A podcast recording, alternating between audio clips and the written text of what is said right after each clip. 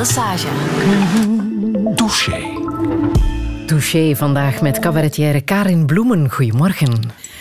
Goedemorgen, luisteraars. Je bent helemaal ongehinderd de grens overgereden van Nederland naar België? Of toch... Uh... Ik had zo gehoopt op een lichte hindering, maar er kwam er niets. ik heb geslingerd op de weg, ik heb geschreeuwd, ik heb joints de straat over gegooid, ik heb geniest op elke plek waar ik kon. Niets. Volgende week is het zover, hè, Karen? Dan word je 60. Zal ik je even met de werkelijkheid... Moet je daar nou mee beginnen, Frido? Nu? Is dat nu? Over de werkelijkheid gesproken. Het is keihard. Ik zie de technicus ook zijn hoofd schudden. Wat is dit? Ik had al gezegd, je wordt 50 jaar en 47 maanden. Dat had nou leuk geweest. Oké. 59 en, uh, en zoveel maanden. je hebt nog een weekje. Nee, ik vind het juist leuk dat mensen dan heel erg moeten tellen. Hoeveel is 10 jaar in maanden? Maar het is helemaal geen schande. Ik ben super blij. Ondertussen ook al een eeuwigheid in het vak. Daar zal ik dan geen jaren op uh, en dat is juist wel weer een wapenfeit. Friedel. Sinds 83? 1983 uh, was mijn het was mijn eerste werkjaar. Ja. Ik werk natuurlijk al voor mijn gevoel mijn hele leven. Maar in 83 ben ik begonnen in de musical Zo van Louis Davids. Ja. En die heeft hier zelfs in België nog gespeeld. In Hasselt en in Antwerpen. En in uh, nou, waarschijnlijk nog twee plaatsen die ik vergeten ben. Ja. Dus, de, dus de, uh, hoeveel is dat dan? 27 jaar hè nu. Ah, langer. 37. Oh, ja. ik zeg ook altijd, ik werk 37 jaar. Ik ben op mijn 14e begonnen.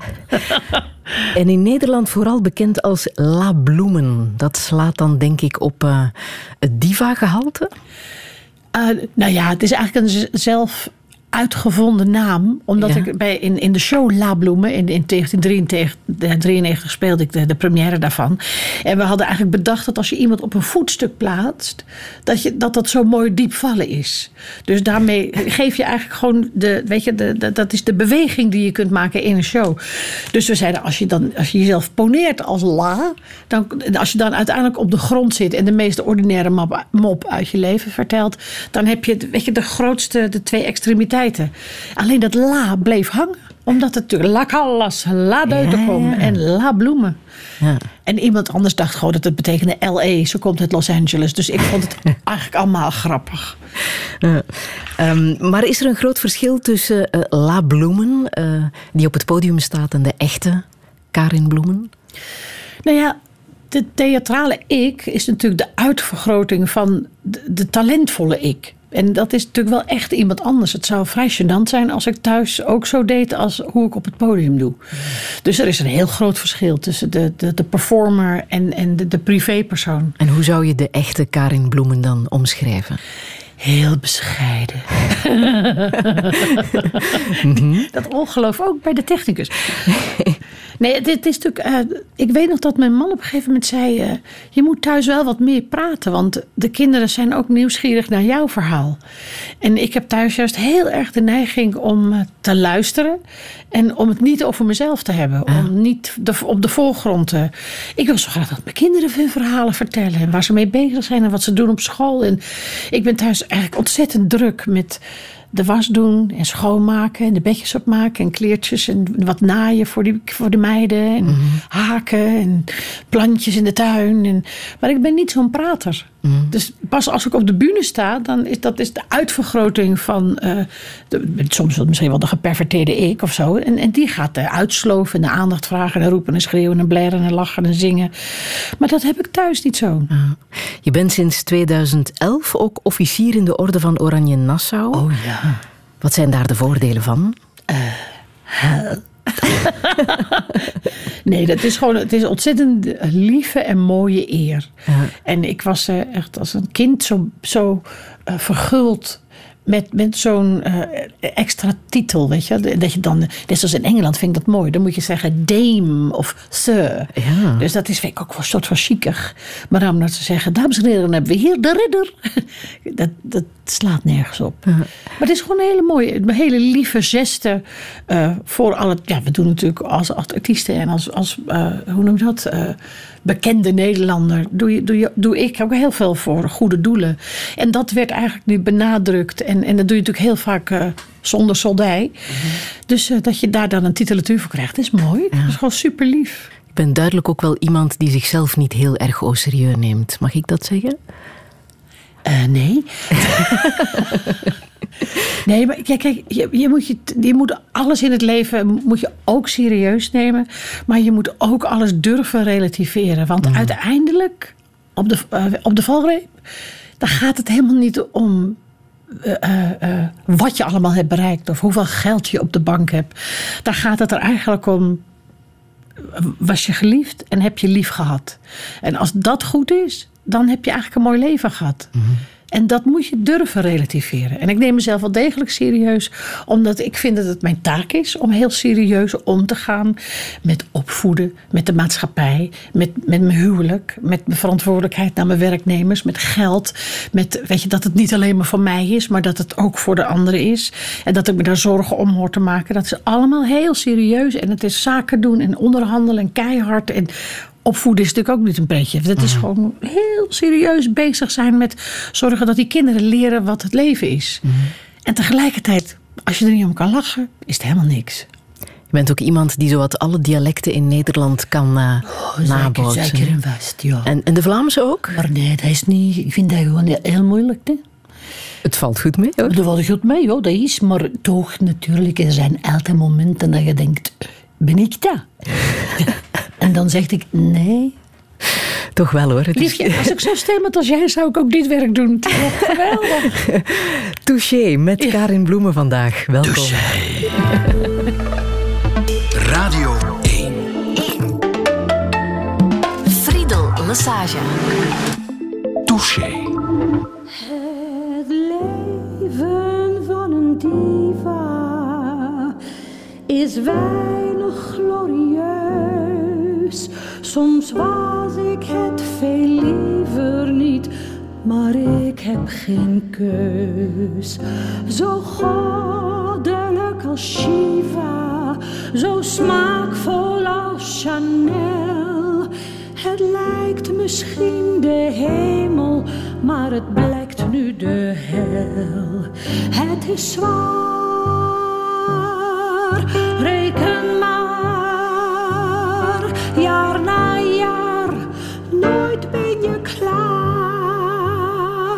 Het kost je geld, kracht, tijd, zweet, bloed, maar je moet, je bent diva. Je eigen tent te runnen, dat is eindeloos gestres. En zoveel die misgunnen je, je roem of succes. De pers die maakt je zwart, of je collega's doen weer min. Ik heb zo'n groot hart, daar past iedereen in. Het is zwaar, reken maar aan de top houdt het nooit op. Het kost je geld, kracht, tijd, zweet, bloed. Maar je moet, je bent diva. Je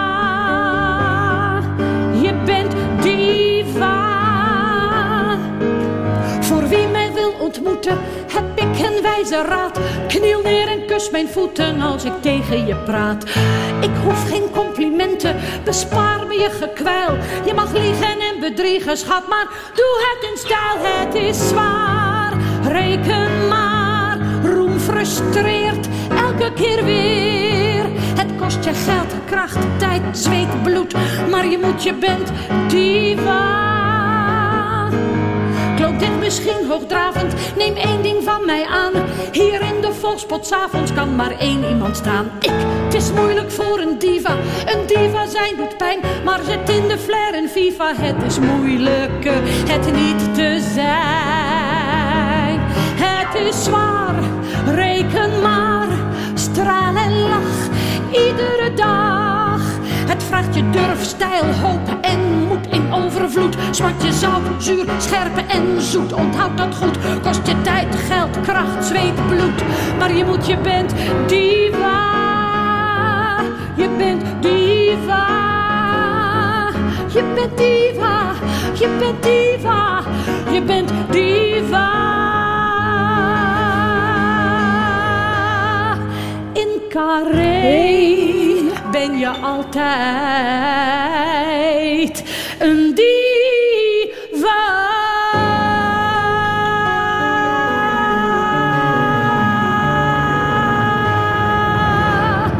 Het leven van een diva. En de diva zit hier vandaag in eh, de studio van Touché. Ja, Karin. Bloemen. meegezongen, meegelipt. Eh, een nummer uit 2014. Toen kon je inderdaad nog voor eh, volle zalen in Carré spelen. Dat is nu een beetje anders. Diva zijn in coronatijd. Hoe gaat dat? Nou, ik heb de tuin ingericht. nee, maar het is natuurlijk echt. Het is, eh, ook, het is super triest voor onze branche dat Ja. er zo weinig mogelijk is. En dat mensen ook echt heel bang zijn. Want hoe zit het in Nederland? Hoe eh, Nou ja, zijn de maatregelen? 50, 50 mensen in een zaal. En dan moet iedereen eh, op anderhalve meter zitten. En dat is natuurlijk in een zaal als Carré beetje gek. Want daar kunnen makkelijk 500 mensen met anderhalve meter afstand. Maar dat durft eh, de overheid niet te regelen en toe te zeggen. En dus is er een soort hele grote discrepantie tussen wat er mag eh, op Schiphol. Want ik kreeg vanmorgen een foto eh, getekst van een vriend die stond op Schiphol. Echt enorm veel mensen. Allemaal braafkeurig met een mondkapje voor. Maar wel veel te dicht bij elkaar. Die allemaal dolgraag een vliegtuig willen. En daar mag je gewoon naast elkaar zitten. Want de filters zijn zo goed. En aan de andere kant dan Carré, waar dan 50 mensen in mogen. En dat is natuurlijk... Ja, elk theater in Nederland gaat daar natuurlijk op zijn kont. Want In hoeverre heb jij je eigen eh, eh, plannen moeten wijzigen?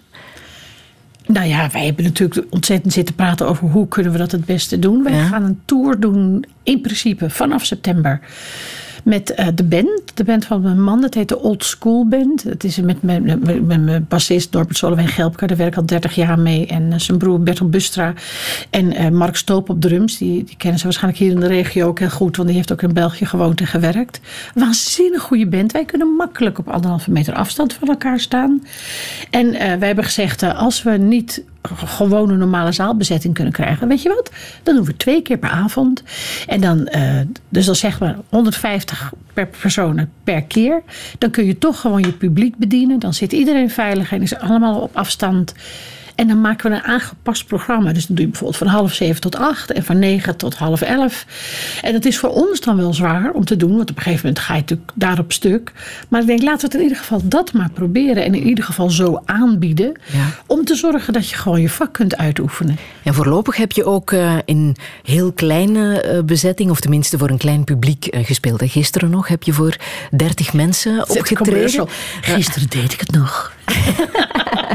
Nee, maar gisteren voor 30 mensen, dat heb jij al lang niet meer gedaan. Normaal Oh, zitten de zalen stampvol. nee, het is natuurlijk het fijnst ook om je centjes te verdienen. En ik ben natuurlijk niet eh cent aan het verdienen voor mezelf.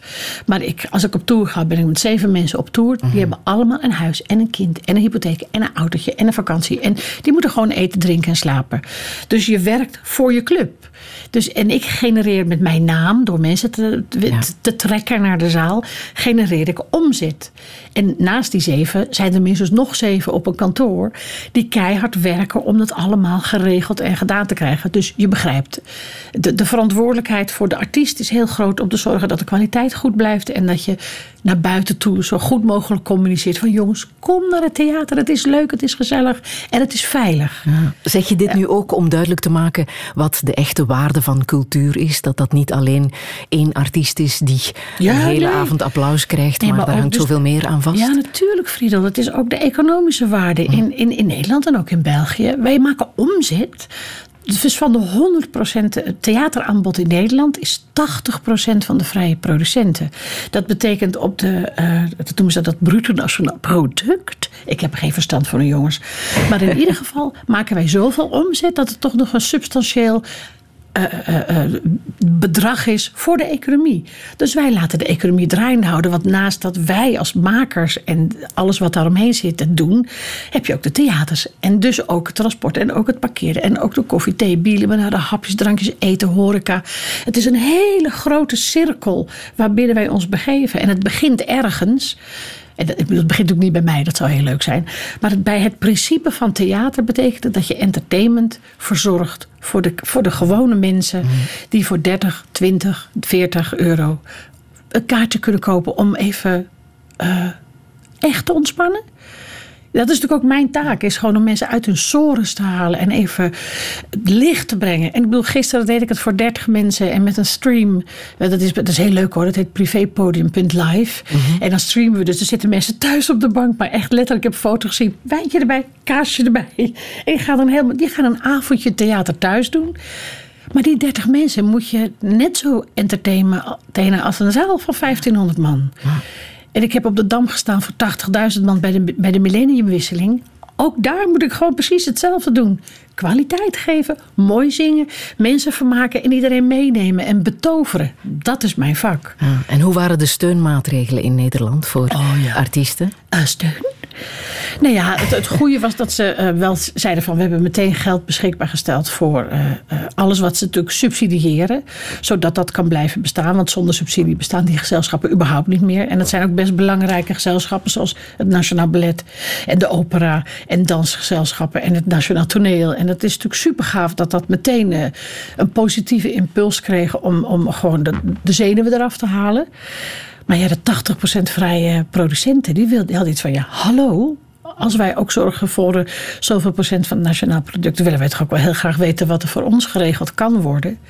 En dan zijn natuurlijk een heleboel mensen hebben, krijgen nu dan een uitkering. En eh, je hebt de WOP en nou, allemaal van dat soort terminologieën. Maar ik kan natuurlijk, ik, ik heb dan de, de 4000 euro gekregen, waarvan ik dacht, nou, wat keurig. En de, in dezelfde week kreeg ik mijn belastingaanslag. en toen dacht ik, nou, dat is dan ook weer klaar. Goed getimed. Het heeft natuurlijk niets te maken met de omzetten die ik normaal draai, waar ik allemaal mensen van kan betalen. Dus, dus ook mijn muzikanten, de beste muzikanten van Nederland, en die zitten thuis. Met een uitkering van 1000 euro per maand. Maar als je het positief bekijkt, je hebt heel veel kunnen haken de voorbije maanden. Ik zag jou kijken naar mijn vest. Ik prachtige jas. denken, wat een leuke vest. Ja, mensen moeten nu even naar onze stream kijken, want je kan onze uitzending ook op onze website bekijken. Jij kan dat. Zo'n jassen haken.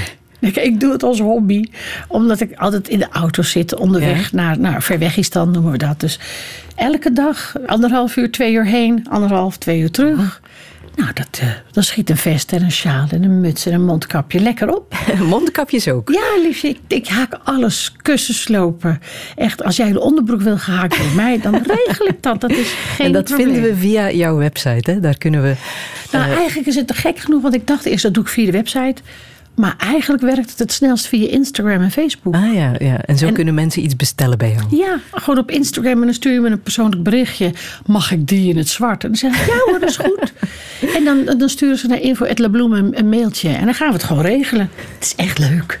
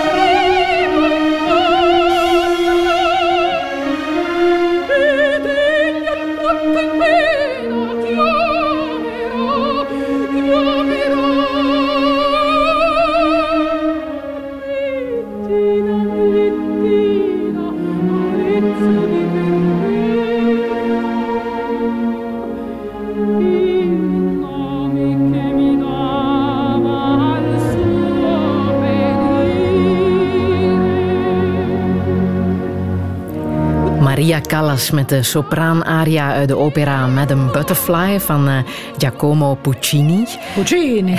Karin Bloemen, waarom wou je dit laten horen?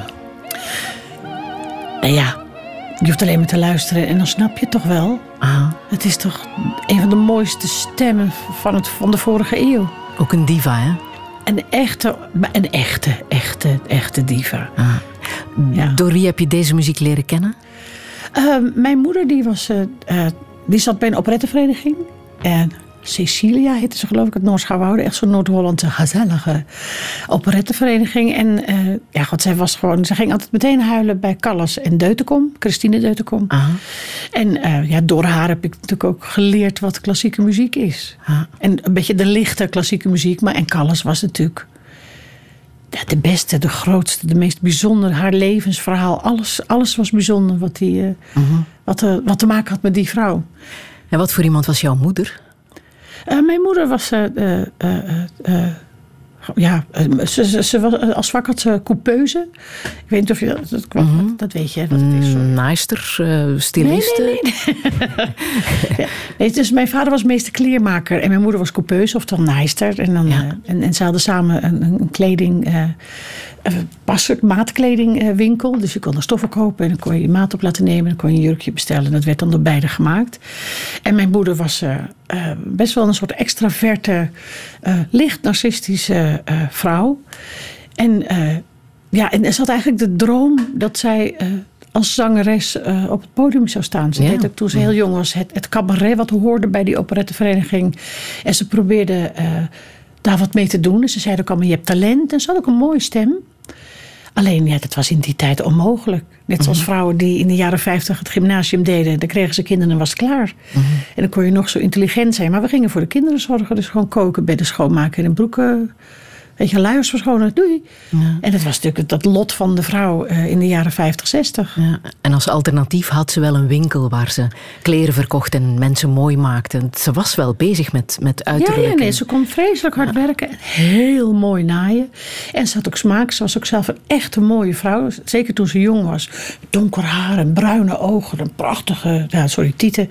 Weet je, een goed lijf. En, en, en het was echt een mooie meid van Schagen.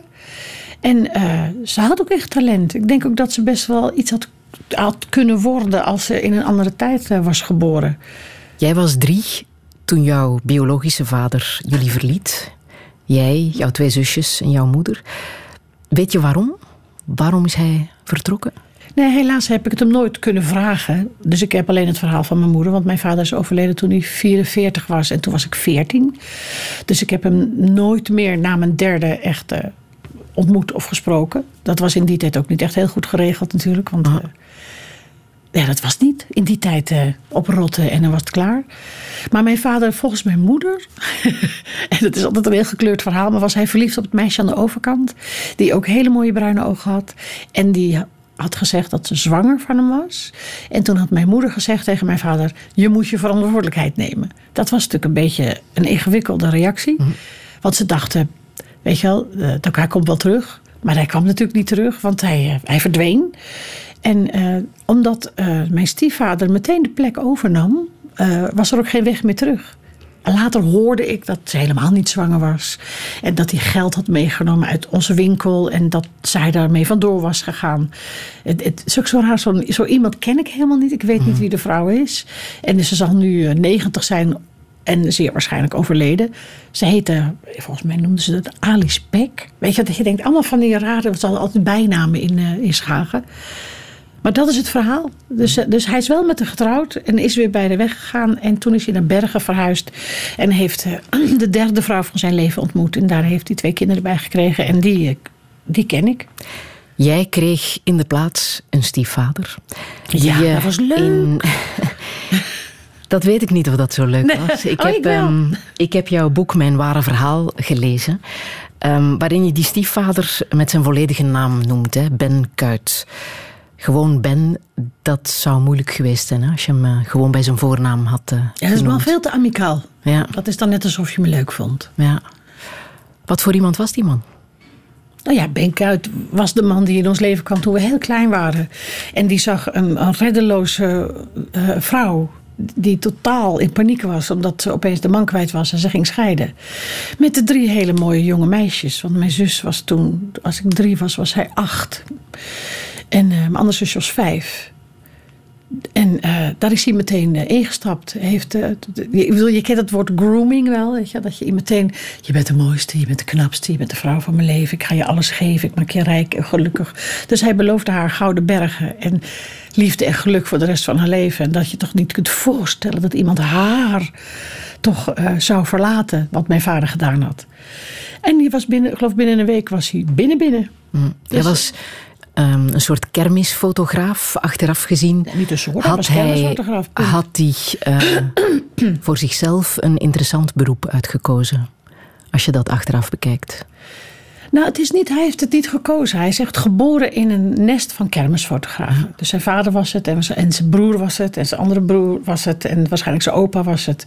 Het is ook een heel mooi en oud beroep en het is, er is helemaal niks mis mee.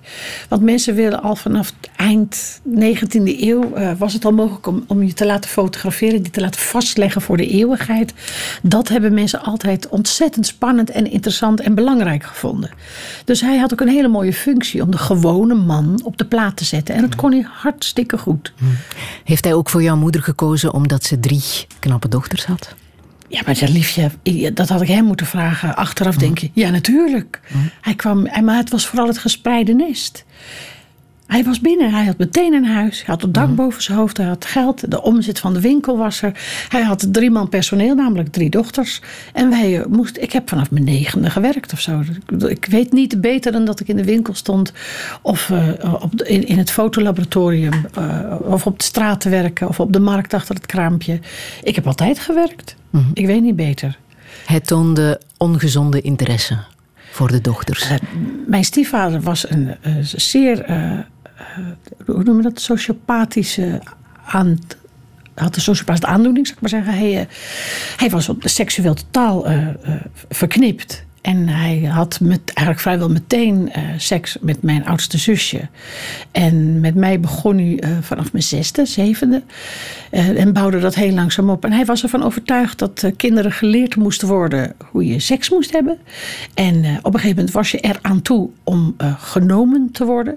en gepenetreerd te worden. En dat- was een levenstaak voor hem. Dat was heel belangrijk dat wij allemaal snel leerden hoe dat toch moest. En hij was dus, dus een soort totale, ja, perfecte man. Vanaf je zevende. Ja, het was vrij jong. En vooral toen hij beweerde dat ik dat zelf wou, heb ik me toen ik mijn kinderen zo oud waren toch heel lang afgevraagd. Hoe haal je het in je hoofd dat een kind van zeven zegt: Hé jongens, valt er nog wat te neuken? Dat slaat zo nergens op dat het bijna banaal grappig is. Je oudste zus is op Sorry, een... lieve dames en heren, voor een beetje grove taal. Maar ja, zo komt het dan in mijn hoofd naar boven. Daar moet u zich niks van aantrekken, maar zo werkt het. Sorry. Jouw oudste zus Annelies is eh, op een bepaald moment weggestuurd. Hè? Wist jij toen als kind waarom dat precies was? Wat er met jouw oudste zus ehm, gaande was? Nou ja, achteraf kun je zeggen, je had het kunnen raden.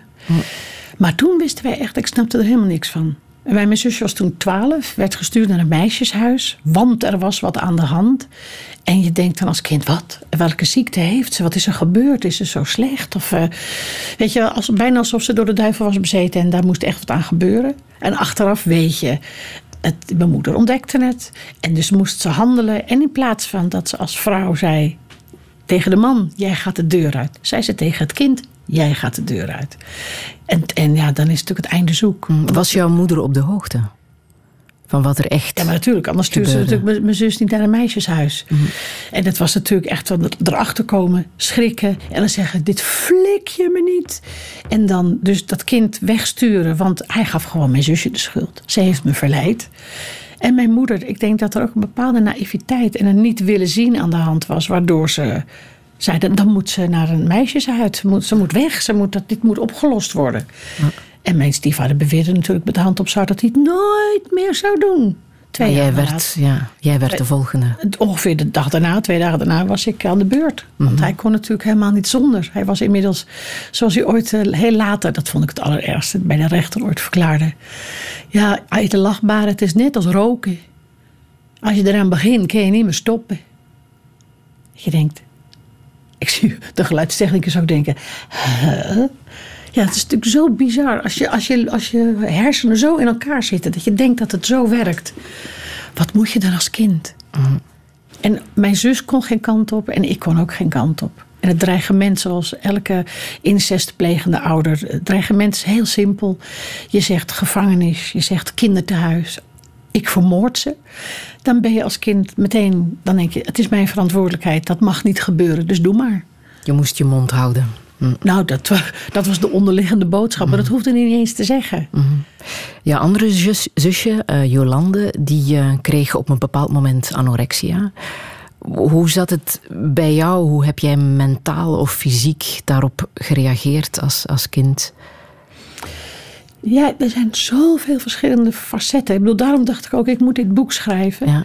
Want uh, je hebt altijd de neiging zelf om dingen te vergeten, om het mooier te maken, om je eigen zwaktes te bagatelliseren, om zelf niet de waarheid onder ogen te zien. Dus ik, in het boek moet ik heel stapsgewijs uitleggen vanuit het perspectief van een kind hoe het is dat dit je gebeurt. Weet je, want dat, dat gaf mij, zal maar zeggen, ook het mhm. zicht. En mijn zusje, uh, uh, die was zo bang dat heel vaak is dat met anorexia, tenminste daar heb ik vrij veel over gelezen. En heel vaak zeggen ze dat de enige macht die je hebt over jezelf is wat je erin stopt. Dus wat je eet, daar kun je nog invloed op uitoefenen. Dus als er te veel macht buiten je uh, is, die je dwingt om te doen wat je niet wil, dus je nee is zo gecorrumpeerd, dan is nog het enige wat je wel hebt, is of jezelf snijden. Dus zelfmutilatie is een, groot probleem bij uh, jonge misbruikslachtoffers. En het andere probleem is vaak het eten, dus of veel te veel. Want je denkt, dit kan ik zelf bepalen. En het gekke is, je wilt jezelf een beetje onaantrekkelijk maken. Want je denkt, des te dikker, misschien helpt dat. Weet je wel, dus, je, dus letterlijk, je probeert een olifanthuid te creëren. Mm. Dus als mensen, dat vooral later zei een, een, een, therapeut ook tegen me. Het is heel slim van je geweest. Je hebt een dikke huid gecreëerd, zodat je de klappen beter op kunt vangen. Ja. En toen dacht ik, oh mooi, had ik het nog nooit zo bekeken. Ja. En mijn zusje deed precies het tegenovergestelde. Die ging zichzelf onaantrekkelijk maken weet je dat dan tussen accolades, door zichzelf heel mager te proberen te maken. Ja. En dat wat je niet kunt verdragen, dat is letterlijk als je zegt, dat ligt me zwaar op de maag, dan bedoel je dat natuurlijk ook psychisch. Dus zij kotste het gewoon weer uit. En onze stiefvader was ook ontzettend dwingend met eten. Dat komt er ook nog eens bij. Dat misbruik heeft geduurd tot jij een jaar 14, 15 was. Hoe is het aan het licht gekomen? Uh, ja, dan moet je eigenlijk zeggen, je moet het boek lezen. Anders, dan, anders dan is het een spoiler. Mm. Mm. maar het is, zegt Friedel. Het is aan het licht gekomen. Ehm, wat daarna is gebeurd, moeten we misschien later vertellen. Ik wil even bij jouw verhaal blijven. Jij bent naar eh, de toneelschool, naar de Kleinkunstacademie gegaan in Amsterdam. Was dat ook een manier om te vluchten?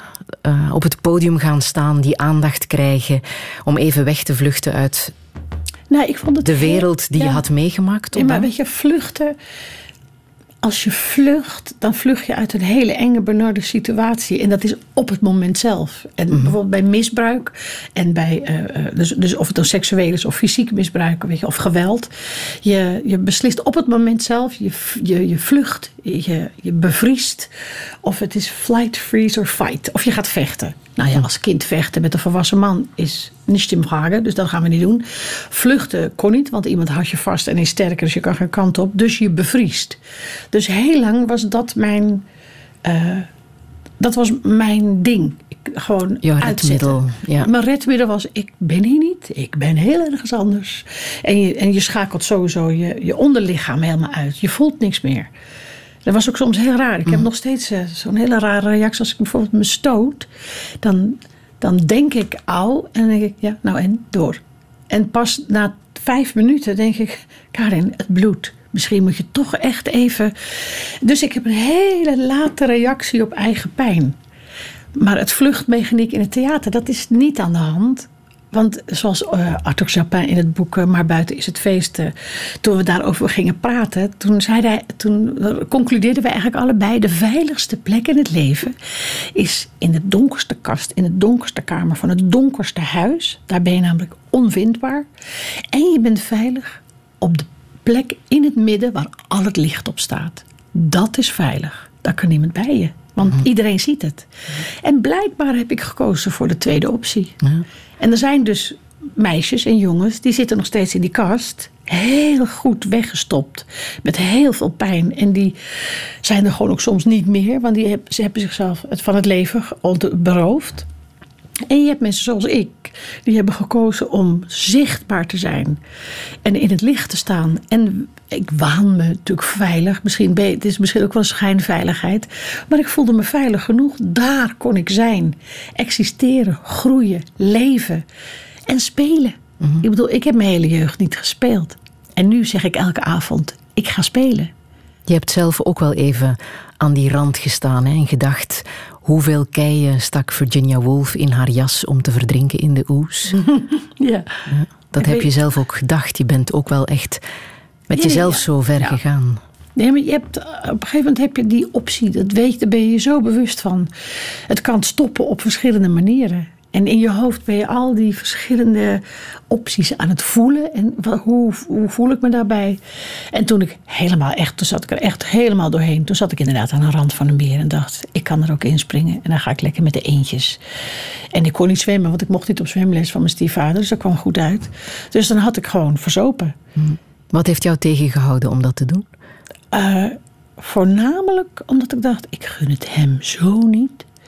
Ik, ik heb recht op een vol leven. Ik heb recht op geluk, op liefde, op intimiteit, op seksualiteit, op mijn geluk. Mm-hmm. En, dat, en dat, dat was zo sterk, daar schrok ik bijna van. En op dat moment heb ik ook, uh, op, bij dat meertje heb ik besloten, ik ben niet, ik heb, draag niet zijn achternaam ik heb mijn eigen achternaam. Uh-huh. En toen heb ik eigenlijk mijn vader weer terug geïntroduceerd in mijn leven. En heb ik mezelf Karin Bloemen genoemd. Uh-huh. En er was nog een toestand. Ik zat op de middelbare school en ik moest allemaal rapporten laten veranderen. En langs elke leraar zeggen: Op mijn rapport staat nu Bloemen.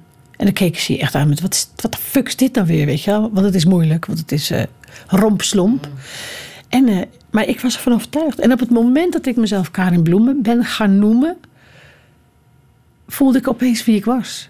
En dan voelde ik me duizend keer sterker. Maf zoals dat werkt.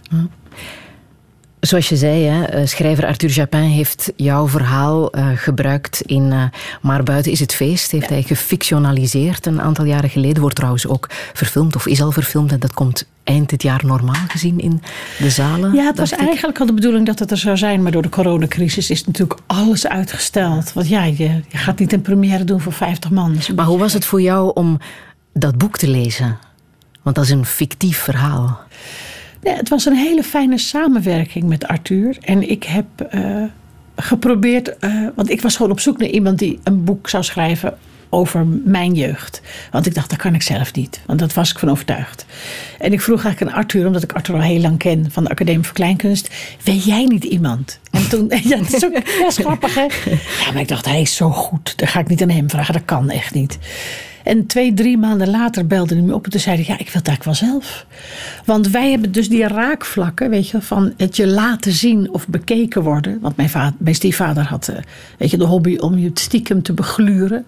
Door allemaal gaatjes te maken in de muur, in het toilet, en in de wc en in de douche. En, weet je wel, dus, dus je werd de hele tijd bekeken. En door die camera van hem en door zijn spiegeltechnieken, waardoor je hem kon zien en niemand anders. Het was echt. Uh, dus dat bekeken worden was heel erg een, ding bij mij. En dat bleek bij Arthur precies hetzelfde te zijn. Weet je, de keuze, je wordt of bekeken of je laat je zien. Dat is een groot verschil. En, uh, en door die, eigenlijk door die common ground die we vonden, uh, is hij gewoon een, het fictieve verhaal begonnen van een meisje die. En ik heb hem verschillende verhalen verteld uit mijn jeugd, waardoor hij als een soort guideline dat kon gebruiken om zijn, om zijn eigen verhaal te vertellen. En dat kan Arthur hartstikke goed. Het is natuurlijk prachtig. Maar toch heb je vorig jaar je eigen versie nog eens neergeschreven. Mijn ware verhaal verhaal. Maar het is Waarom zo, precies? Ja, mijn lieve Frido, het is zo bijzonder dat je, je leest het en je denkt, nee joh. Maar zo. En dan kreeg ik iemand, ik heb jouw verhaal gelezen. Ik, nou ja, het is niet mijn verhaal, mijn verhaal. Het is natuurlijk een Dan moest je het weer uitleggen. En een hele goede vriendin van me, Astrid Joosten, zei: Waarom vertel je nou niet gewoon jouw verhaal? Wat, waarom moet het nou altijd weer mooier gemaakt worden? En waarom moet er nou altijd weer een fictief verhaal achter zitten? Waarom vertel je niet gewoon en toen was ze zo fanatiek. En toen dacht ik, ja, ze heeft wel gelijk. Ik wil, net zoals theater maken, ik wil het gewoon een beetje leuk opfleuren. Weet je wel? En ik wil niet alles prijsgeven, want dan, dan word je zo kwetsbaar. En toen dacht ik, Karin, wat een onzin. Je was al kwetsbaar.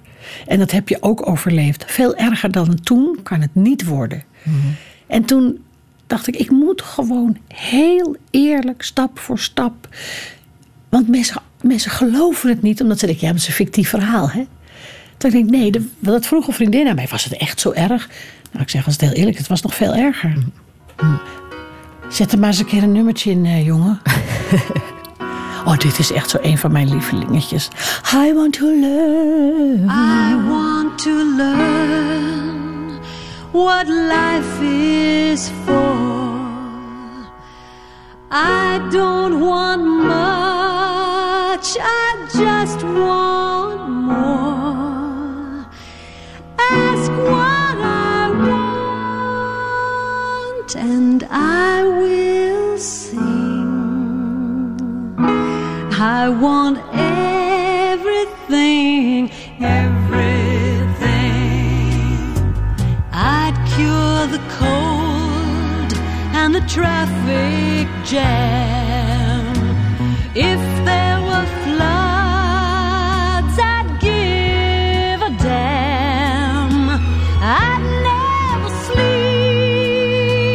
I'd only sing. Let me do everything, everything. I'd like to plan a city and play the cello.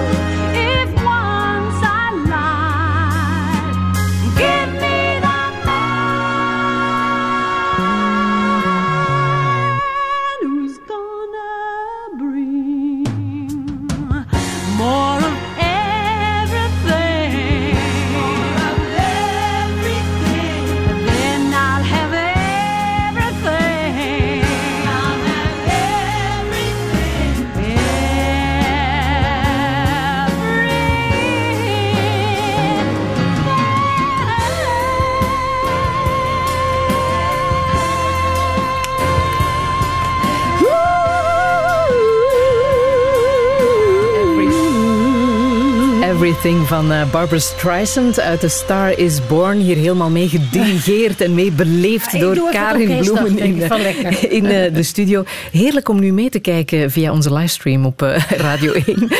Je moet er ook het beeld bij zien. Maar het is natuurlijk niet voor niks hè, dat we ze laten horen, Barbara Streisand. Ja, maar echt. Toen ik dit nummer hoorde en ik was 14, toen dacht ik dat is mijn tekst. dat is, nee, maar dat is mijn. Weet je, I'm like a child that's set free on a fun fair. Every ride invites me and it's unfair.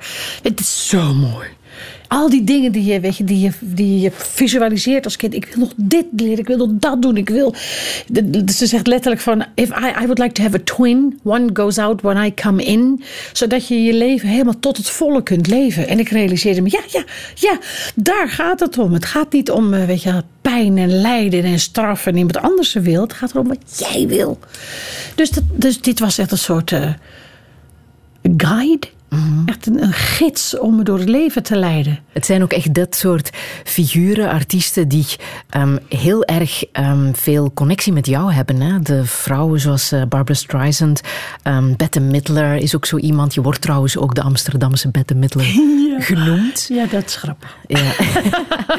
Ik hoorde dat uh, zeggen door jouw uh, ongelooflijk enthousiast publiek in de documentaire die Erwin Olaf over jou heeft gemaakt. Oh ja, dat is ook zo. Ja, een prachtige documentaire uit 1995 waarin hij jou volgde bij de laatste voorstelling van La Bloemen, denk ik. In, ja, eh, dat in Carré, wat je honderden keren in uh, Nederland uh, hebt gespeeld. 220 keer. Ja, ja. Je kwam midden in een maken, dan gaf je één woord en dan deed ik de rest. Maar wat mij opviel in die documentaire, hij kleed je uit. Hoe moeilijk was dat voor jou? Oh, de, de, de, de, de videoclip ja. bedoel je? Ja. Nee, het was gek genoeg, dacht ik dat het heel moeilijk zou zijn. En ik was eigenlijk alleen maar trots. Omdat ik dacht, dit is mijn keuze.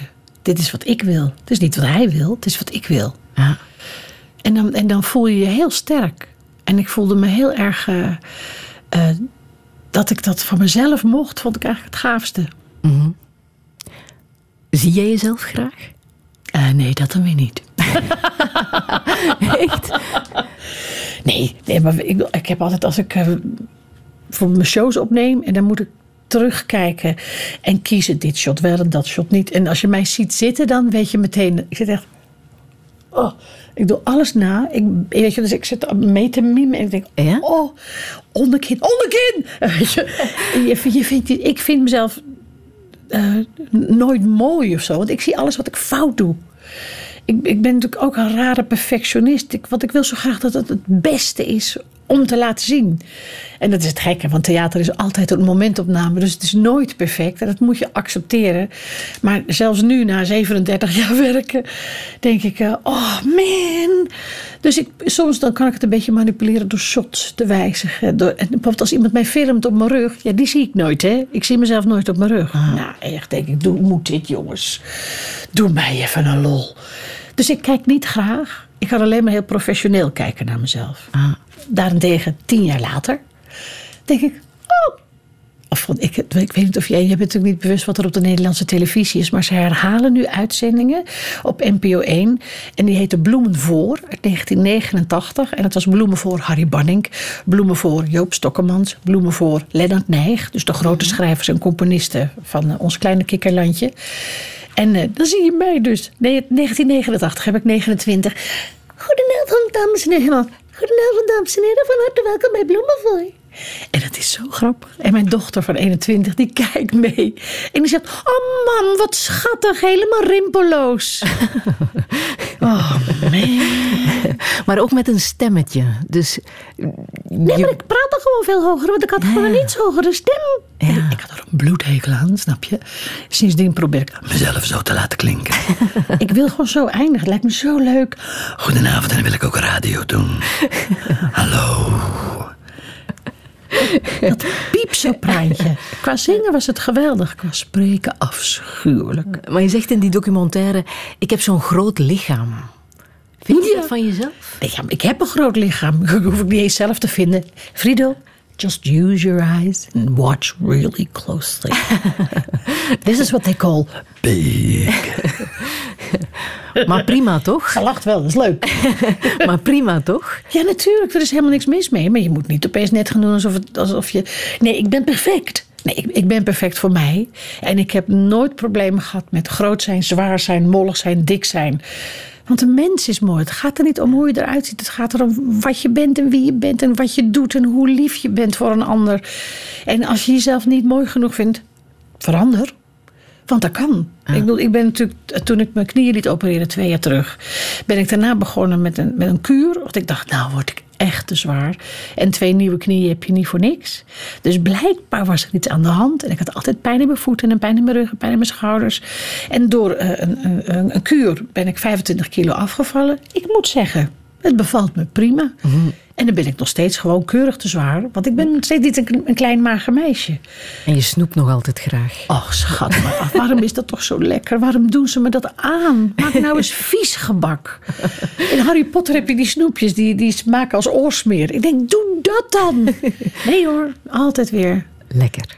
Dus ja, maar dat komt, en dat is ook wel mijn jeugd. Eh, het zoet nemen, totje nemen, betekent ook dat je probeert een beetje liefde erin te stoppen. Als je het zoet niet krijgt door intimiteit, door, dus liefde, weet je, dan, dan is zoet een heel goed surrogaat. Het maakt serotonine, serotonine aan. Chocolade is ook gewoon een serotoninevervanger. Je, je vult jezelf met, met, met liefde. Ik, ik, ik lunchte met roze koeken en ik ontbeet met karamel. Het schijnt niet goed te zijn, maar het was wel lekker. Ik heb nog veel muziek Ach uit ja, schat, je hebt heel veel muziek. de Color Purple, wat je hebt opgegeven als een van jouw ehm, ja, meest bijzondere films die je ooit Ja. hebt gezien. Ehm, ook niet toevallig, denk ik. Nee, nee, nee. gaat over ehm, een vrouw die eh, al van heel jong eh, is misbruikt door haar stiefvader. Hoe heb jij naar die film gekeken? Eh, huilend. Heel veel. Ik weet dat ik ging alleen heen, was ook zo slim. Ik kwam er zo hysterisch huilend uit dat zelfs de portier van de film zijn arm om me heen sloeg en zei: Och, meisje, toch. Ik was echt verloren, echt. Wat raakte jou het meest in die film? Eh, ja, daar moet ik straks ga ik zo over nadenken. Ik zet even dit af, want dan ga ik al huilen bij het luisteren. Bedankt, hè. ik ga erover nadenken. Ja, is goed.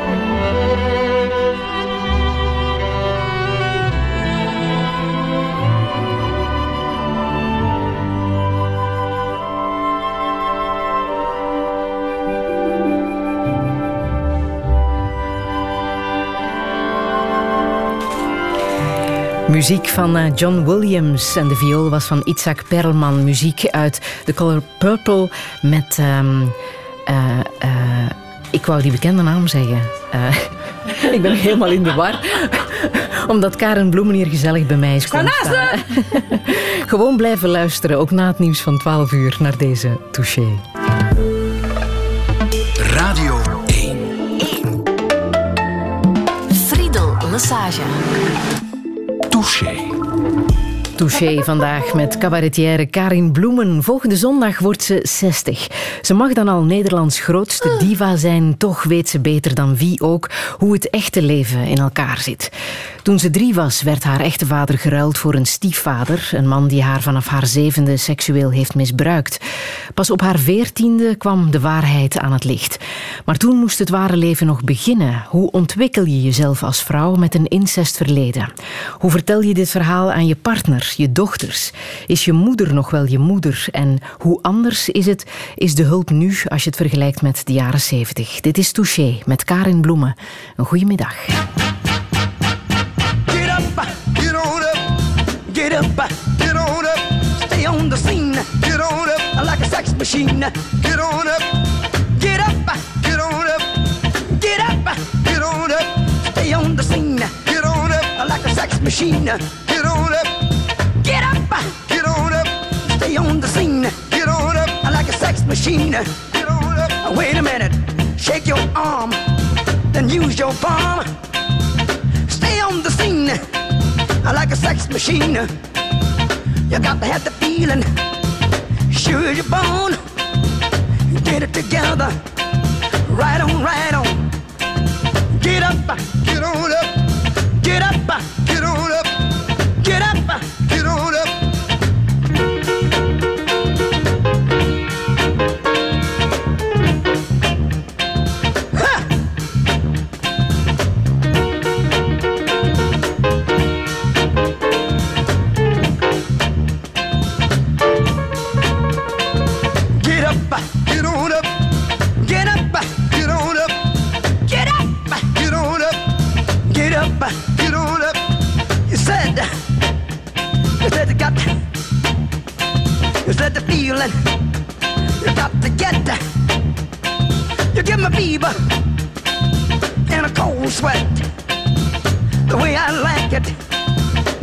it is. I got mine. Don't worry about his. Get up, uh, get on up, stay on the scene. Get on up like a sex machine. Get on up, get up, uh, get on up, get up, uh, get on up. Bobby, should I take him to the bridge? Go ahead, take him on to the bridge. Take him to the bridge.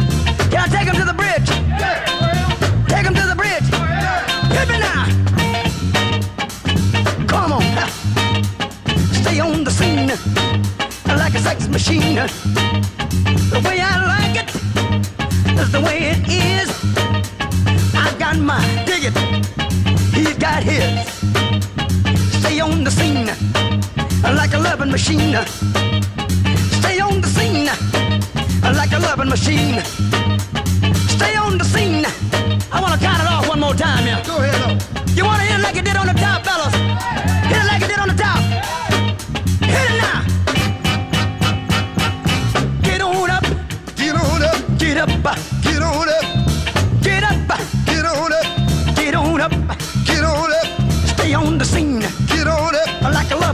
Linda.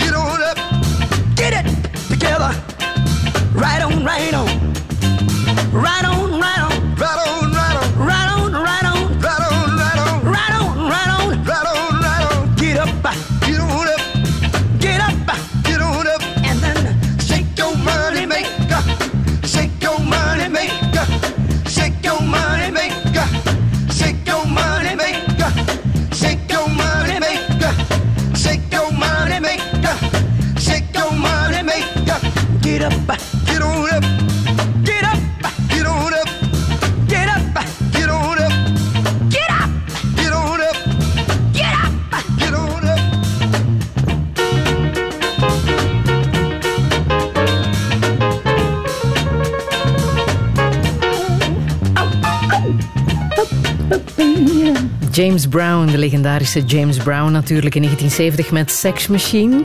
Karin Bloemen, waarom wou je dit laten horen? Nou ja, dit was mijn jeugd eh, na mijn hele zware jeugd.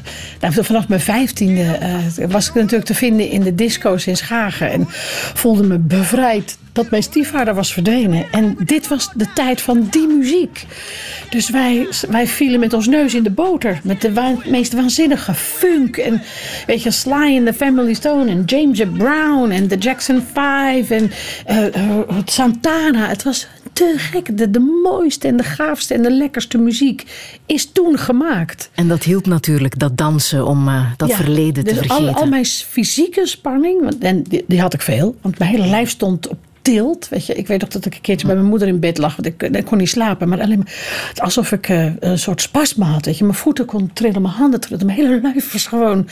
Je bent natuurlijk zo gespannen door die, door die narigheid van, vanaf mijn zevende. Dus in het disco kon ik helemaal los. En dus ik deed het niet een half uurtje dansen. Maar deze vrouw die stond vier, vijf uur achter elkaar. Als een gek gewoon. Dansen, dansen, dansen, dansen. En, dan, en ik heb natuurlijk geen cent te maken. Dus dan rende ik naar de wc. Dronk de kraan leeg. En dus de horeca heeft niet veel aan mij verdiend in die tijd. Maar oh, wat was dat heerlijk. Mm.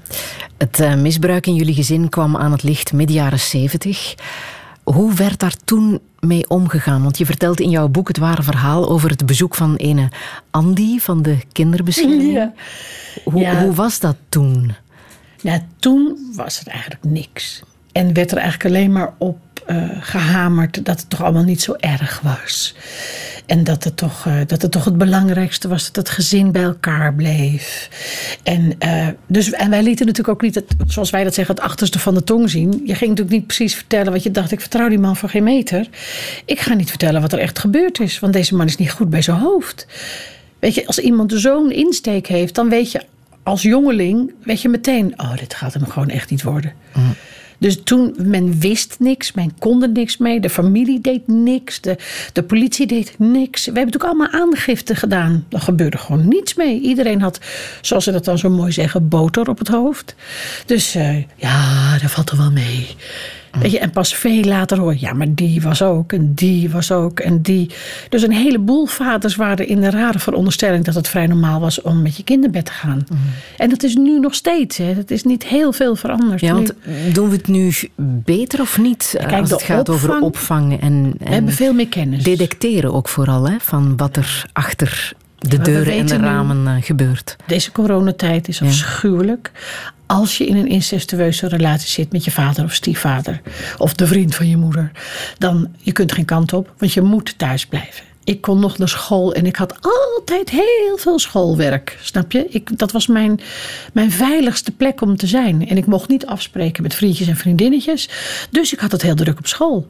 Mm-hmm. Dus niet voor ik haalde ateneum met gemak, want ik, uh, daar was ik het allerliefst van mijn leven. En de kinderen nu hebben geen plek, die moeten thuis zijn. Dus ook in Nederland, de meldingen zijn drie keer zoveel hoger dan voor de coronacrisis.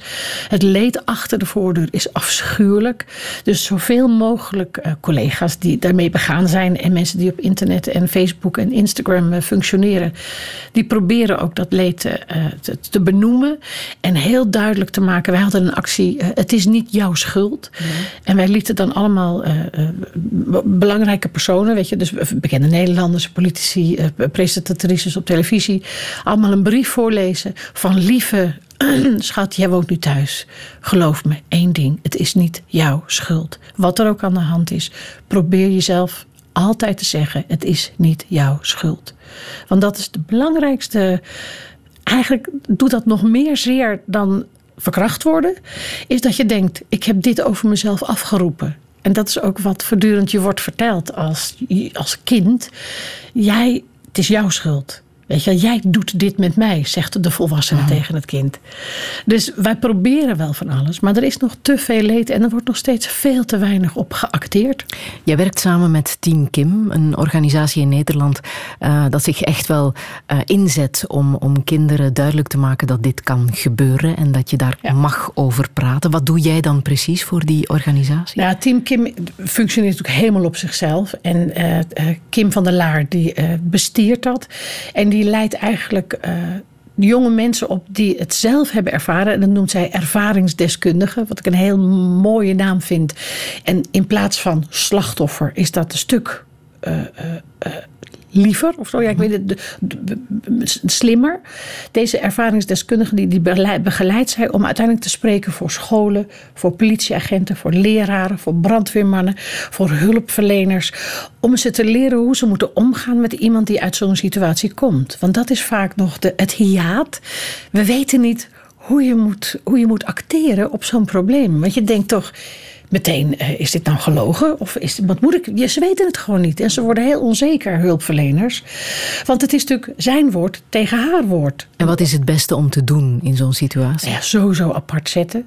En dus dat doet Kim allemaal. Hè. En met team Kim, die proberen het duidelijk te maken. Als je, als je een geval krijgt, probeer dan in ieder geval de twee uit elkaar te zetten. Zodat de invloed van de volwassene op het kind vervalt. En probeer niet voor ingevulde vragen te stellen. Als je begint, zoals bij een politiebureau ooit. Wat had je aan? Dat je denkt, en dat is relevant? Weet je, want dat, dat relateert meteen aan schuldgevoel. Aan je hebt het uitgelokt. En heel gek, maar dat kan niet. Je, een kind van 7, 8, 9, 10, 11, 12, een kind lokt niet uit. Dat is, weet je, als je een kort jurkje aan hebt, dan heb je gewoon een kort jurkje aan. Punt. Dat heeft niets te maken met seks uitlokken. Dus je moet dat soort voorin, vooringenomen eh, vraagstellingen al proberen te voorkomen. En het vertrouwen winnen van zo'n jong iemand. En echt absoluut bevestigen: ik ga niet jouw leven verwoesten. Jij moet nu niet naar een kinderopvang of naar een gevangenis. Je probeert alleen maar duidelijkheid en klaarheid te krijgen over wat er aan de hand is, zonder consequenties. En je moet altijd benadrukken: het blijft echt tussen jou en mij. Dus wat je me vertelt is vertrouwelijk en je kan alles vertellen. Want ik ga dat niet meteen. eh, ik hoor net van je dochter. Weet je, wel, dat gaat niet gebeuren. Dus pas als het vertrouwen daar is, heb je kans dat er ook een eerlijk verhaal komt. Je praat ook in scholen met jongeren. Kan je snel detecteren of daar kinderen tussen zitten die zelf slachtoffer zijn? Nou ja, Kim, eh, uit haar ervaring moet ik spreken. Want ik ben, ik ben nooit mee geweest naar een school. Want als, het is ook zo moeilijk. Want als ik als bekende Nederlander meega. dan is er meteen een verschuiving van de aandacht. Dan is er een heel beroemd iemand. Dus niemand gaat dan meer. Dat gebeurt, dan, dan gebeurt er iets heel geks eh, bij mensen. Dus Kim doet het juist expres met haar ervaringsdeskundige. En ik help Kim om die de ervaringsdeskundige eh, te leren spreken, ademen, staan, bewustzijn, kijken. Ik leer ze eigenlijk de, de, de theatrale technieken om te zorgen dat ze bij zichzelf kunnen blijven. Want als je spreekt en heel langzaam kom je niet meer bij je adem, dan heb je een probleem. Dus je moet, dat is een techniek, die kan ik ze leren. En, en dat, is, dat is al super gaaf om te doen. Weet je? Om, om die kleine begeleiding te geven die kant op.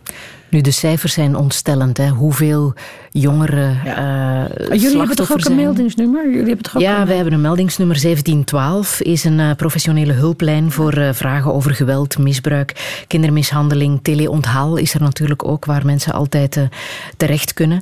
Maar die cijfers blijven ontstellend. En dan is er ook nog altijd een dark number. Zoveel mensen die niet met hun verhaal tot bij een hulporganisatie komen. Schaamte is daar eh, bij de Ja. oorzaak. Hè? Schaamte en schuldgevoel.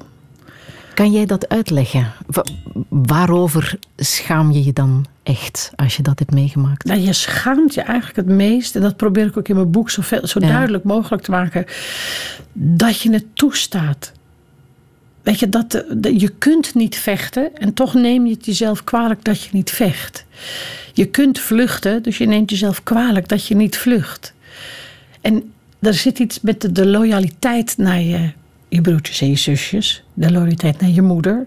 De loyaliteit naar het huishouden. De schade en de, de, de schande over het huis als het uitkomt. Want het is vaak iemand die bekend is hè, in het eh, Ja. gezin of... ehm, Kind, het zijn opa's, ooms, broers, buurmannen. Je kan het echt zo gek niet bedenken. En ik, ik snap ook niet wat de heren toch bezielt om te denken dat dat normaal is. Dat vind ik het. En daarom is het ook nog eens heel gevaarlijk. Want je mensbeeld eh, eh, wordt heel erg beschadigd. Ik heb zelf bij mijn moeder, die, die, die zei echt van elke man, oh, dat zijn klootzakken, ze zijn niet te vertrouwen. Dat ging mij echt te ver. Want ik weet dat er zoveel mannen begaan zijn met het lot van deze slachtoffers. En er zijn zoveel mannen die zich heel erg bewust zijn van hun verantwoordelijkheid als het gaat om seksuele intimiteit. En er zijn er ook een heleboel die gewoon in de war zijn. Die denken echt, zo erg is het toch niet. Dus het is aan ons de taak om uit te leggen dat het schadelijk is op een heel diep niveau. En ik krijg elke dag, hè, niet, niet overdreven, elke dag krijg ik berichtjes op Facebook en Instagram en via via mijn info over het boek. Ik ben 82. Ik heb het nog nooit iemand verteld. Mijn hele leven lang heb ik hier dus ziektes aan alle kanten. Uh, het effect van wat er is gebeurd in, in de jeugd is zo bizar groot. Mensen zijn zo beschadigd tot op zo'n diep niveau in hun bewustzijn. En onderbewustzijn, het is echt te erg. Mm. Dus het is onze verantwoordelijkheid ook als mediamakers om altijd weer te zeggen: joh, ah, Lieve vaders en mannen, hou er nou toch een keer mee op om te denken dat het niet schadelijk is. En stop je lul in een pakje boter, maar hou op met gewoon jonge kinderen te beschadigen. Want dat is eigenlijk de ene kant. En aan de andere kant, lieve slachtoffers, als je vertelt, dan ga je niet dood. Je wordt niet opgesloten in een gevangenis, maar je wordt geholpen. Iemand komt jou vertellen dat er nog licht is aan het eind van de tunnel. En dat er nog een heel leven voor je ligt. Waar je, en dat probeer ik te bewijzen door het te leven. Je kunt gelukkig worden. Je kunt intimiteit en seksualiteit op een normale, gezonde, heerlijke, fijne manier ervaren. Zonder dwang en zonder druk en zonder pijn en angst en schaamte. Het kan. Het is echt mogelijk.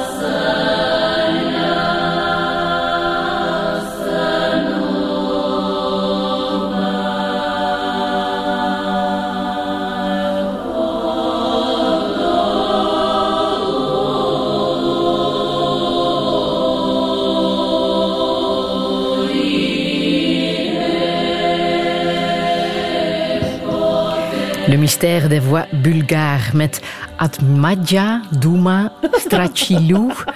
Ik zeg het waarschijnlijk helemaal verkeerd. Karin Bloemen, maar het is geweldige muziek, hè? Oh, dit is Zo troostend, zo mooi. Zo mooi. Ik vind het zo gaaf. Dat zijn pure, echt pure stemmen. En vaak ook zonder... Als ze een vibrato hebben, dan kiezen ze ervoor. Maar het is heel erg... Ha, het is recht. Het is nooit... Ha, het is geen André Hazes. Vanuit de buik. Vanuit de buik. En dan alsof ze op de berg staan met z'n allen. En ze maken harmonieën niet tweestemmig, niet driestemmig, niet vierstemmig. Nee, vijf, zes of zevenstemmig. Dus die klanken die gaan schuren tegen elkaar in. Met allemaal... eh, het, is, sub, het is echt jazz. Maar dan eh, klassiek. Het is echt bizar. En welke betekenis heeft dit nu voor jou? Het zou het leukste zijn om nu te zeggen: nee, niks, gewoon. nou ja, er zijn al, wij zijn natuurlijk allen gevoelig voor muziek. En de een die wordt emotioneel bij André Hazes. En de ander bij Koos Alberts. En weer een.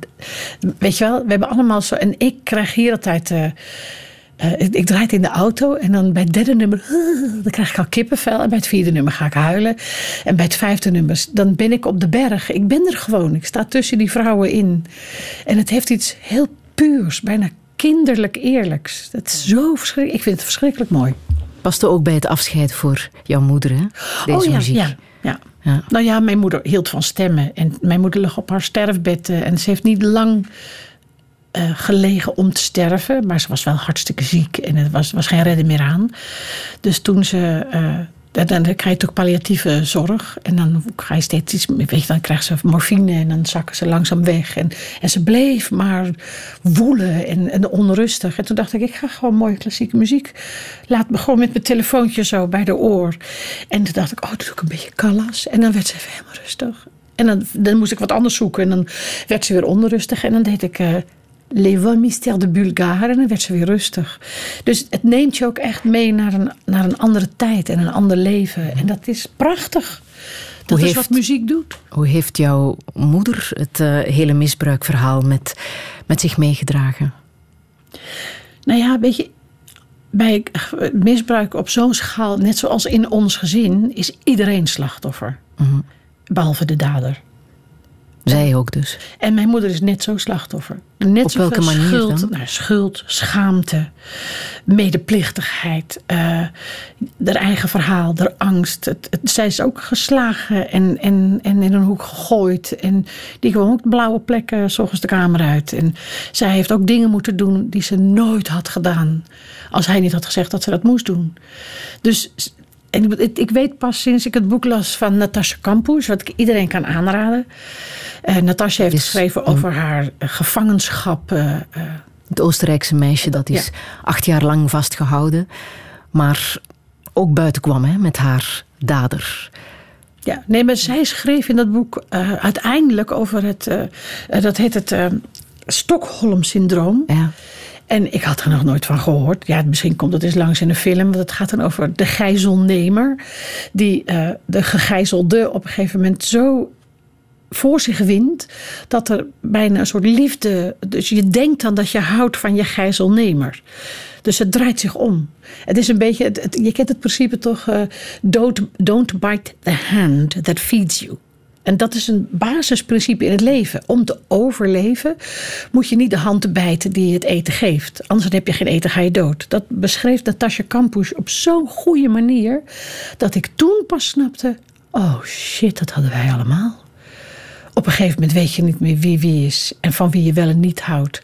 Maar je, je, je besluit gewoon, dit moet wel, dat het liefde is. En dat had mijn moeder natuurlijk. En dat had mijn oudste zus, die is zelfs met hem getrouwd. Heeft ze kinderen gekregen, heeft ze kinderen gebaard en verzorgd. En heeft hem eh, altijd beschermd. Totdat ze zelfs, totdat ze het echt niet meer aankon. En dat is een nog triester verhaal dan mijn verhaal. Ja, want dat is als buitenstaander echt heel moeilijk te begrijpen. Hè? Dat jouw oudste zus is getrouwd met jouw stiefvader, Ja. met die man. En daar nog twee kinderen mee heeft gemaakt. Ja, en zij is natuurlijk op een zeer trieste wijze om het leven gekomen in een brand. Met het oudste zoontje, Benny, die was tien. En eh, met haar pasgeboren baby van haar derde man, die was drie maanden oud. En Gerben was de, de zoon, die was toen zes. En die is gered met zijn stiefvader, Sascha. En eh, uiteindelijk ben ik degene geworden die voor Gerben heeft gezorgd. Voor de zoon van jouw stiefvader. Ja. En dat is omdat Gerben een product is van mijn zus. En eh, mijn zus heeft hem gebaard en met zoveel liefde en zoveel hoop op een beter leven voor dit kind. En ik heb het haar beloofd om voor hem te zorgen. En dat heb ik met heel veel liefde en compassie en geduld eh, heb ik het gedaan. Eh, bizar genoeg werd het door diezelfde stiefvader omgedraaid. Die schreef me op een dag: eh, Je moet wel veel van mij gehouden hebben dat je nu voor mijn kind zorgt. Dat je denkt: Wauw, hm, dan ben je ziek. Dus die, die man heeft nooit begrepen wat voor een werkelijke schade hij heeft aangericht. Zowel in mijn leven als in het leven van mijn zus en mijn andere zus en, en mijn moeder. En natuurlijk ook mijn halfbroertje en halfzusje die mijn moeder heeft gekregen van hem. Ook zij zijn slachtoffer. Ook zij hebben een totaal verkeerd zelfbeeld en mensbeeld. Ook hun leven is aangeraakt door zijn destructieve gedrag. Wij allen dragen een kruis door hem. Het is pas na de scheiding met jouw zus dat eh, hij voor de rechtbank is verschenen, hè, waar hij twee jaar voorwaardelijk heeft gekregen. Ja, kans op eh, recidive, dat was klein. Kan jij, kon jij daarmee leven met die uitspraak? Twee jaar voorwaardelijk. Nou, in die tijd was dat al een godswonder. Want 85, ja. 1985, toen men was nog zo niet gewend aan dit soort zaken. En het was ook mijn woord tegen zijn woord. Het belangrijkste voor mij op dat moment was dat de rechter zei: eh, Meneer Kuit, wij bevinden u schuldig aan misbruik. U bent schuldig. Die zin haalde bij mij de schuld weg. En bij mijn zusje en bij mijn moeder. En bij, opeens was het duidelijk. Een, iemand van bovenaf had besloten: dit kun je niet doen. En dat hij nou zei, eh, ach ja, het is net als eh, sigaretten roken. Weet je, als je er één keer aan begint, kan je niet stoppen. Dat zijn natuurlijk belachelijke zinnen. Waarvan zelfs de rechter, die zag je kijken op iets van... Dit meen je niet. Maar je kan er niks mee. En het was natuurlijk de rol van mijn moeder was daarin in dat vonnis natuurlijk belangrijk. Want een deel was ook haar verantwoordelijkheid die zij als ouder niet had genomen. En mijn zuster was met hem getrouwd geweest en als volwassen vrouw. Dus dan vervalt de incest. En ja, dat is natuurlijk bizar als je erover nadenkt. Want het gaat dus veel verder dan incest. Het is de indoctrinatie in je leven. Het manipulatieve.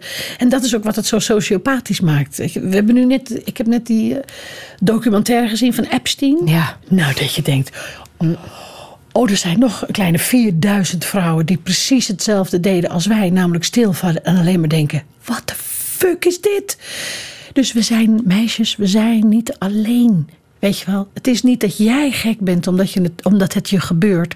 Het gebeurt ons allemaal als we in een situatie komen waarin we onszelf niet kunnen beschermen. En toen wisten de rechters dat niet. Nu zijn ze wel wijzer, hè? Jullie hebben ook zo lang daar niet over gepraat, binnen het gezin natuurlijk, zolang dat aan de gang was. Ging dat praten daarna? Lukte dat? Nee, nee, nee. Dat gaat niet. Nee, op een gegeven moment zit er zoveel zeer en zoveel pijn en zoveel. Vooral dat, dat schuldgevoel. Mijn moeder kon het echt niet aan.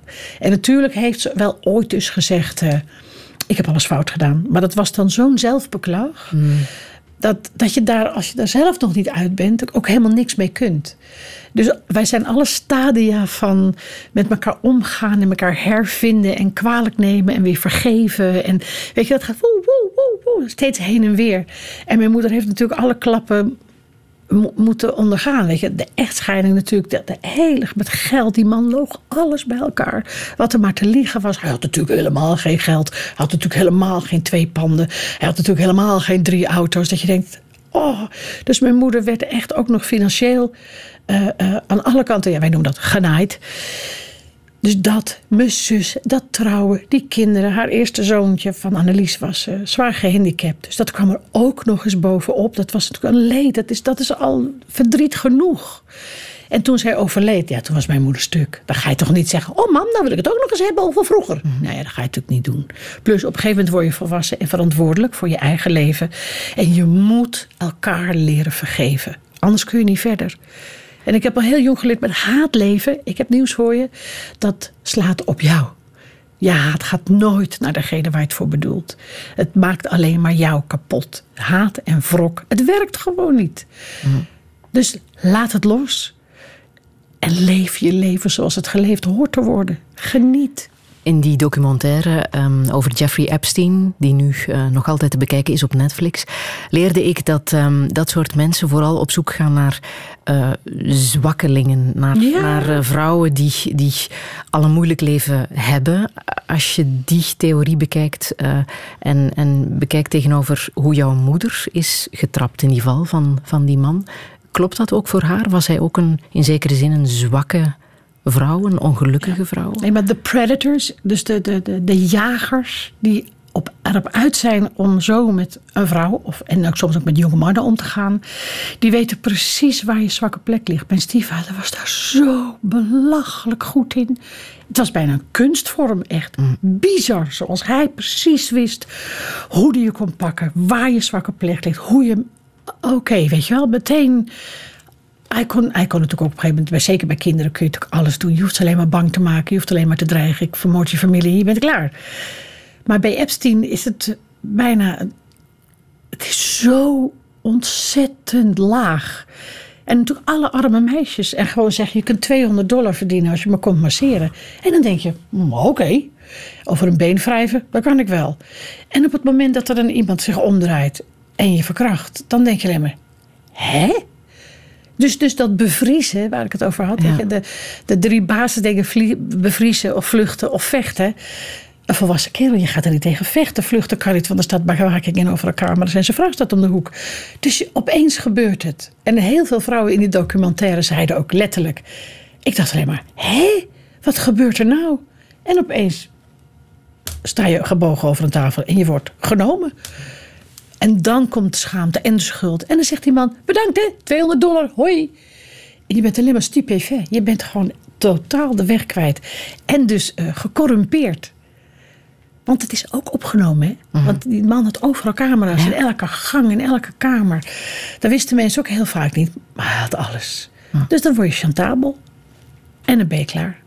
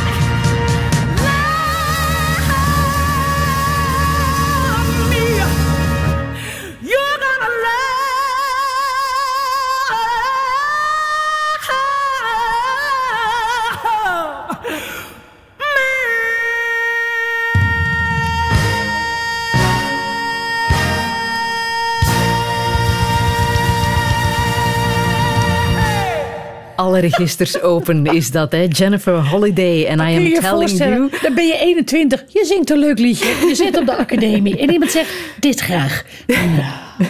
Zo doe jij het met je leerlingen, Karin Bloemen? Je laat hen dit horen. Nou ja, dus ik, ik als startpunt van de, een schooljaar, dan heb ik een paar video's. En dan laat ik onder andere dit zien van Jennifer Holiday. Want er was ooit bij de Tony Awards, heeft ze hem geperformed. Ja. En eh, dus het staat op beeld. Nou ja, je weet niet wat je ziet. Zo'n grote, sterke vrouw die met haar hele lichaam dat nummer zingt. Er is geen ontkomen aan. En denk ik, meisjes, lieve meisjes, lieve jongens, dit is de basis. en dan zie je ze allemaal in paniek denken, oh. Nee, maar echt, het is, ook, het is ook heel heftig. Maar zij leeft dat nummer. Ik hoor ook later dat zij echt elke avond deed. ze natuurlijk op de onstage in Dreamgirls, de musical. Elke avond was ze kapot. Die deed de show en ze was natuurlijk ook 150 kilo, dat scheelde ook. En dan ging ze naar de hotelkamer en dan viel ze maar in slaap. En dan werd ze zo zwakker, dan frat ze zich helemaal vol en dan ging ze weer. Maar zo goed. Karin, heeft ehm, muziek jouw leven gered? Oh ja, zeker. Ja, ja. Dat is echt jouw redmiddel geweest, letterlijk zelfs, want jouw man is muzikant. We kunnen het zelfs zo ver doortrekken. Nou ja, zoals je bij James Brown hoorde, die, die, die waanzinnige gitaarpartij. Het heeft alles. Het is en slim en intelligent en getimed en sexy. En het is... Dus toen ik Marnix ontmoette, dacht ik ook alleen maar... Hallo. Maar was het moeilijk voor jou om de juiste man te vinden? Ik heb een heel raar talent gehad eigenlijk mijn hele leven. Ik word zo heerlijk verliefd op iemand. En, en daar hoef ik helemaal niks mee te doen. Maar ik, ik hou van mensen en ik hou van mannen. Weet je, die in hun volle mannelijkheid man durven zijn. En kwetsbaar en eerlijk en mannelijk en sterk en zwak. Ik hou van de mens. En eh, dus, dus mijn talent om verliefd te worden eh, was groot. Ik ben het ook heel vaak geweest. Ook heel vaak dat je denkt, nou, dat was niet slim. en eh, toen ik op Marnix verliefd werd, was het wel echt, dat was wel bingo. Ja. Ik- maar ik- dat was heel gek. Ik zag hem, ik keek hem in de ogen toen ik hem voor het eerst ontmoette. En ik dacht, ik ken hem. En dat je gewoon heel lang in iemands ogen blijft kijken en alleen maar denkt, hoe kan dat nou? Ik ken hem toch? En elke keer als ik hem aankeek, dan kon ik het niet loslaten. En later vertelde hij ook. Nou, wat, jij was zo raar in het begin. Jij stond maar naar me te kijken. Ik denk, wat moet zij van me? En ik dacht helemaal, hoe kan dat nou? Ik ken hem. Maar je schrijft in je boek, eh, Mijn ware verhaal, mijn seksualiteit ontwikkelde zich moeizaam. Ja. Kan ik me ook wel voorstellen dat dat niet simpel was, want de eerste kus met een jongen na een feestje als jong meisje, Vond jij een leuk daar verhaal? ging jij natuurlijk veel te snel, want jij wist te veel. Nee, maar van intimiteit. Eh, Kijk, dus, dus wat gecorrumpeerd is, dat krijg je niet zomaar recht. En seks was iets, ja, dat moet je even doen en dan is het klaar. Dat, dat was het minst moeilijke. Terwijl dat voor normaal voor jonge mensen is dat het moeilijkste. Dus je begint eens met een zoen en dan eh, weet je, noemen ze de first base, second base, weet je wel. Maar ik had geen idee. Dus, dus ik moest het vanaf de andere kant leren. Ik moest eigenlijk gewoon weer terug naar het begin. En, en, en zeker, die, die, die- weet je dat ik bij die, die jongen. eh, die totaal in shock was, omdat ik meteen zijn edele deden vastpakte. En die zat van: wow, wow, wow, wow, wow, wow, waar gaan we heen? Ja, dat is natuurlijk veel te snel. Dat is helemaal niet goed. Dus Maar ik, hoe is dat dan goed gekomen bij jou? Want Ja, net zo lang doen totdat je het snapt. Dat Ik heb zelf... het gelukkig nooit opgegeven. En ik heb altijd, dus vanuit de gedachte. Dus ik moest eerst bedenken: ik heb recht op intimiteit en op echte seksualiteit. En het is mijn seksualiteit. Hoe kom ik daar? Dus dan probeer je op allerlei mogelijke manieren om te zorgen dat je uiteindelijk dan doet wat jij fijn vindt. En dat is gewoon een lange weg. Ik geloof dat ik op mijn 27ste voor het eerst. eh, dat ik dacht, oh, gewoon lekker vrijen. En dan, en dan een bijtje. Oh, weet je, dat. En bij Marnix leerde ik dat als je met liefde eh, eh, met elkaar vrijt, daar komt er een hele laag bij. Maar dat wist ik gewoon niet. Ik wist niet. Ik heb het gewoon moeten ontdekken. En- Hoe heb je het hem verteld wat jij had meegemaakt? Oh, je bent vrij aan het begin. Ja? Ik heb altijd geprobeerd om aan het begin van een relatie meteen heel duidelijk te maken waar ik vandaan kwam. En mijn eerste grote liefde heette Jan en die was totaal in shock. Maar ja, toen was ik natuurlijk 16 toen ik het hem vertelde.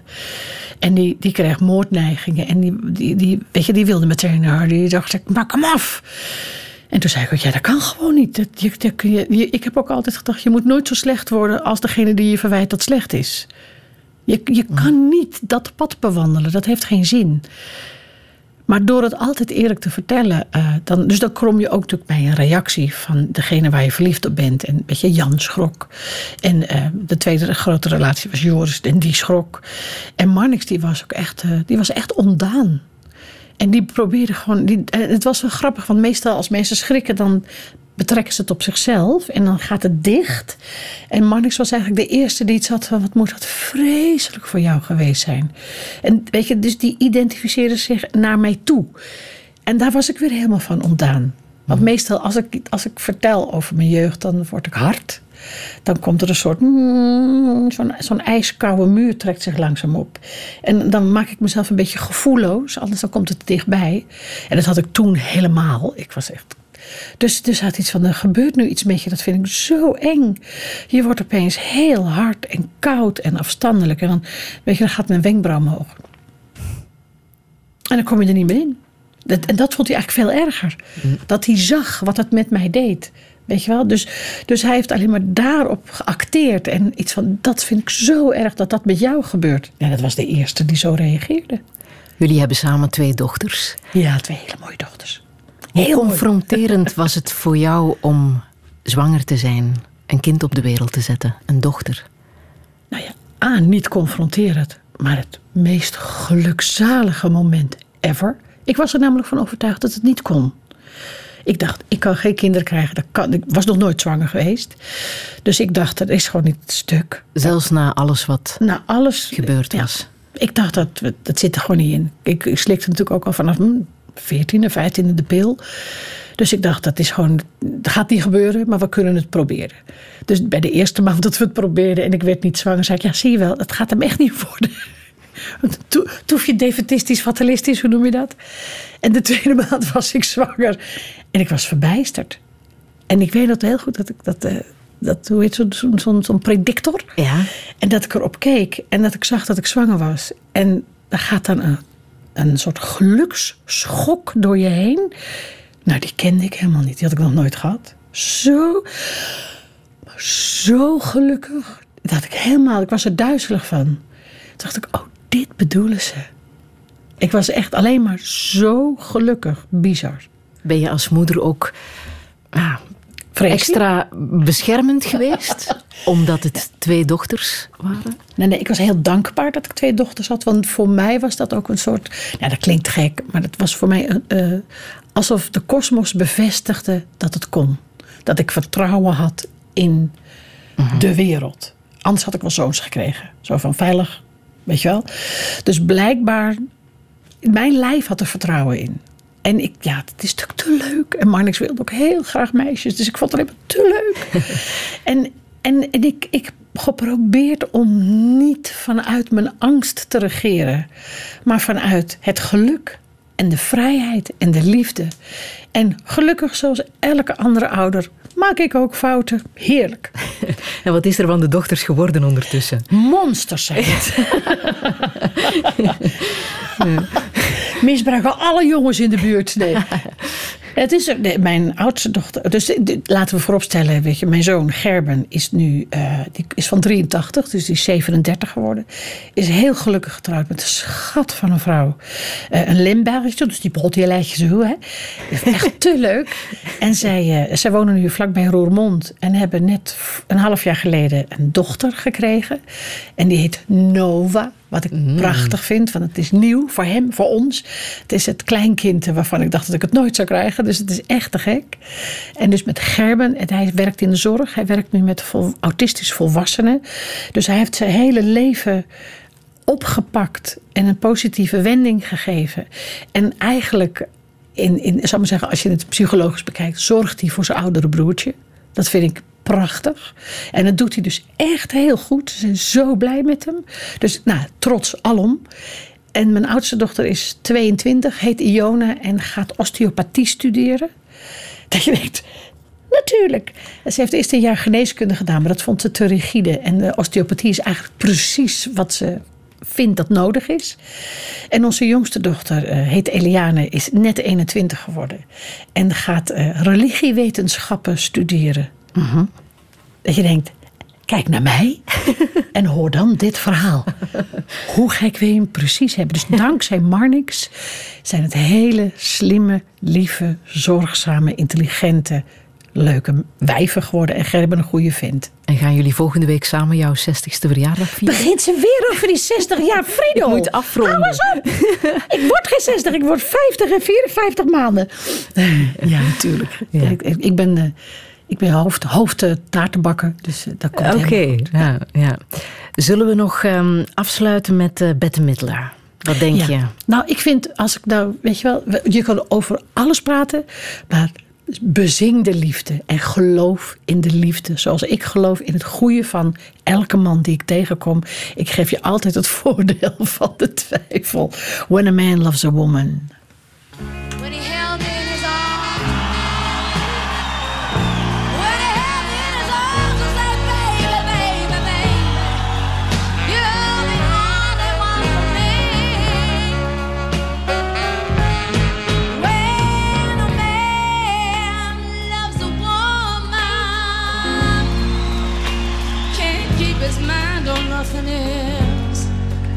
share the world.